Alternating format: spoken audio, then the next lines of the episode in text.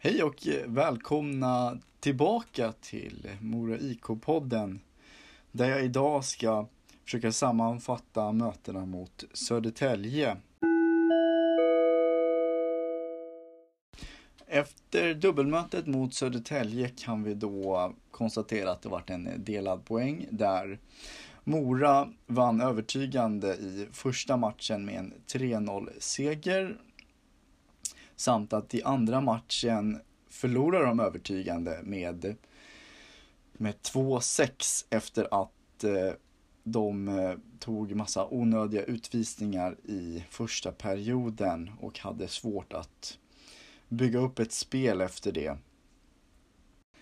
Efter mötet mot Södertälje så hade vi då en väldigt positiv insats följt av en eh, mer negativ insats där eh, Mora i första mötet som då är lite roligare att prata om eh, kom ut väldigt starkt redan ifrån början och tryckte ner Södertälje med sin fart och eh, då pucktempo där alla pass i princip satt på bladet och de vann närkampsduellerna. Vilket gjorde till att det var svårt för Södertälje att komma in i matchen alls. Målskyttarna den här matchen var Ljunggren som har börjat kommit igång med sitt målskytte vilket är väldigt roligt att se efter att han då har varit assistkungen. Sen att Larsson gjorde 2-0 är inte till ovanligheten efter de här då senaste matcherna mot Väsby där han har spelat väldigt bra. Främst genom assist men han fick göra ett mål nu också då. Sen eh, Stål Yrenäs, vilken, eh, vilken spelare. Eh, kan vara någonting att titta på i framtiden där han har, jag tror han har en väldigt stor utvecklingspotential och jag tror att det här är bara början av hans karriär.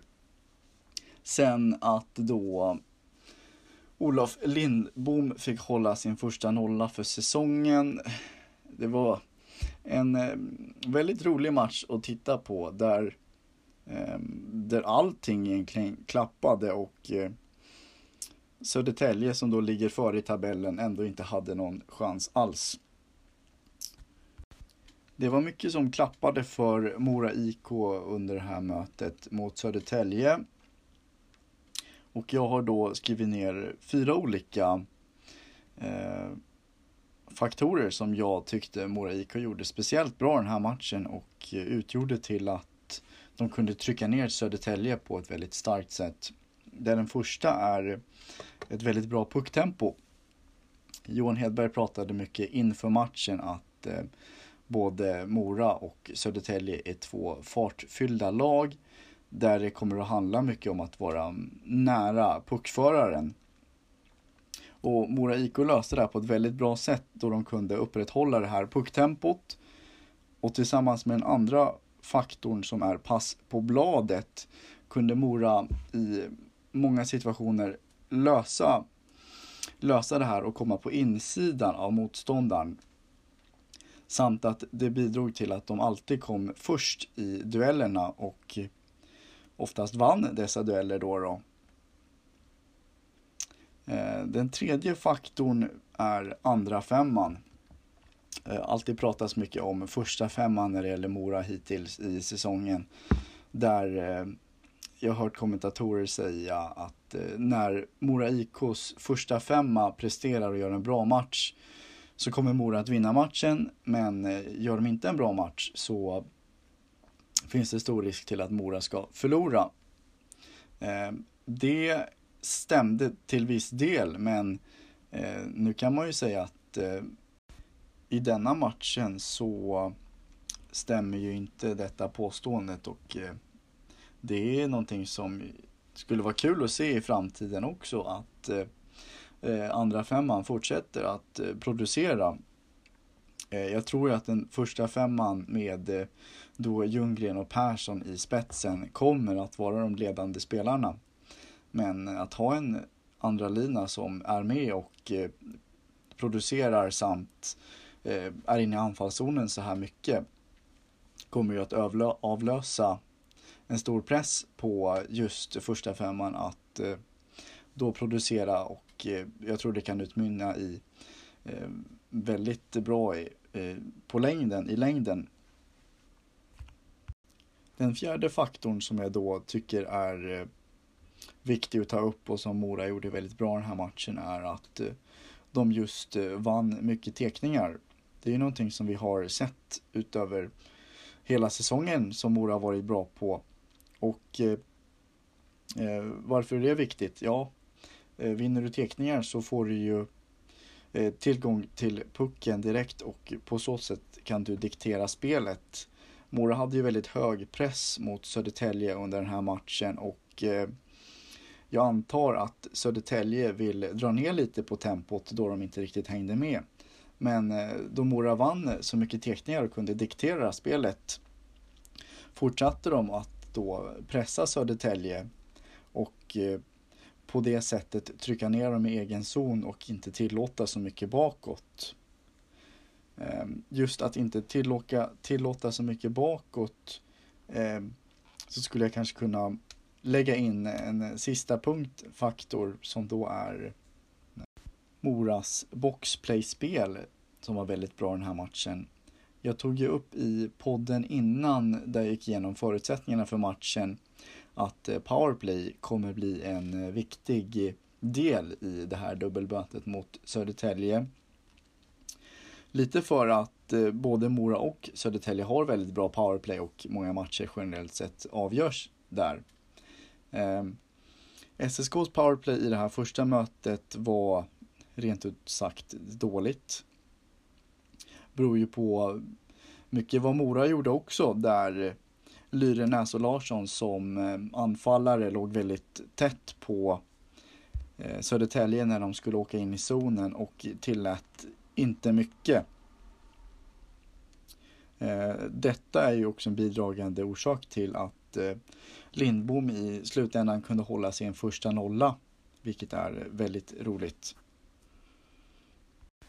Efter sex raka segrar och eh, den här 3-0 segern på hemmaplan mot Södertälje var man väldigt eh, förväntansfull mot returmötet och eh, det skulle bli kul att se Mora bygga vidare på det som de har skapat under de här sex matcherna efter då de eh, två förlusterna mot Björklöven och Timrå. Tyvärr så vart det inte som förväntat och Mora förlorade väldigt tungt med 2-6 efter en väldigt tuff inledning där Mora helt enkelt inte kunde svara på Södertäljes tempo och eh, de gjorde lite egna misstag bakom egen kasse vilket snabbt resulterade i att eh, eh Södertälje tog en 2-0 ledning väldigt tidigt in på matchen. Mora krigade på och eh, kunde med hjälp av Oskar Eklind i powerplay reducera till 2-1. Men eh, efter några onödiga utvisningar visade Södertälje sitt fina powerplay-spel eh, på ett väldigt distinkt sätt sätta dit två snabba mål och utökade till en 4-1 ledning redan efter första perioden. Därefter första perioden kändes matchen redan avgjord och Södertälje vann som sagt med 6-2 i slutändan efter att eh, Mora reducerat till 2-4.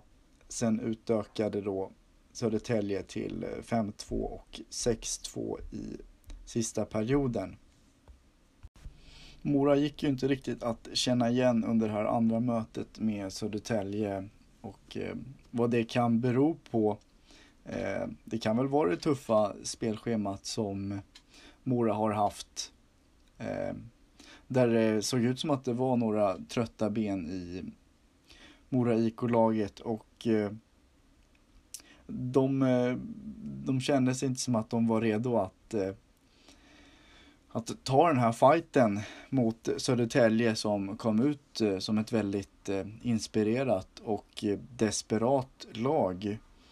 Ska vi då sammanfatta det här dubbelmötet mot Södertälje så kan man ju säga att det som Mora gjorde bra i första mötet där de hade högt pucktempo, passen på bladet så att de kom innanför motståndaren och där kunde vinna duellerna och komma till, eh, till väldigt vassa avslut i slottet. Så gjorde de tvärtom i andra mötet. Vilket då ledde till att de sattes i svåra positioner hela tiden och tvingades lösa dessa. Mm. Visst att man kan lösa dem mestadels av tiden men sätter man sig själv i en dålig sits så kommer ju det att utmynna i att så småningom kommer motståndarna att ta vara på det här, vilket Södertälje verkligen gjorde den här matchen. Mora har ju mycket bra att bygga på ifrån det här dubbelmötet, men eh, det blir ju en negativ trend när de avslutade med denna förlusten. Eh, och eh, vad jag vill se i nästa match mot Vita Hästen är väl att de på individuell nivå kommer ut och verkligen gör det här jobbet, försöker att förenkla för sina medspelare istället för att försvåra. Och på det sättet kunna igen få upp ett bra pucktempo och komma innanför motståndarna som de gör så bra. Och få de här uh, one-timers som de kallar det i USA, direktskott. Och på det då kunna i slutligen bara bygga vidare på ett tempofyllt anfallsspel där Mora i, i mitt tycke är som bäst när de får cirkulera i anfallszon. Jag som då har spelat in den här episoden heter Jonas Wendt och eh, jag tackar er för att ni har lyssnat på det här avsnittet av Mora IK-podden. Så hörs vi i nästa avsnitt, mina Mora IK-vänner.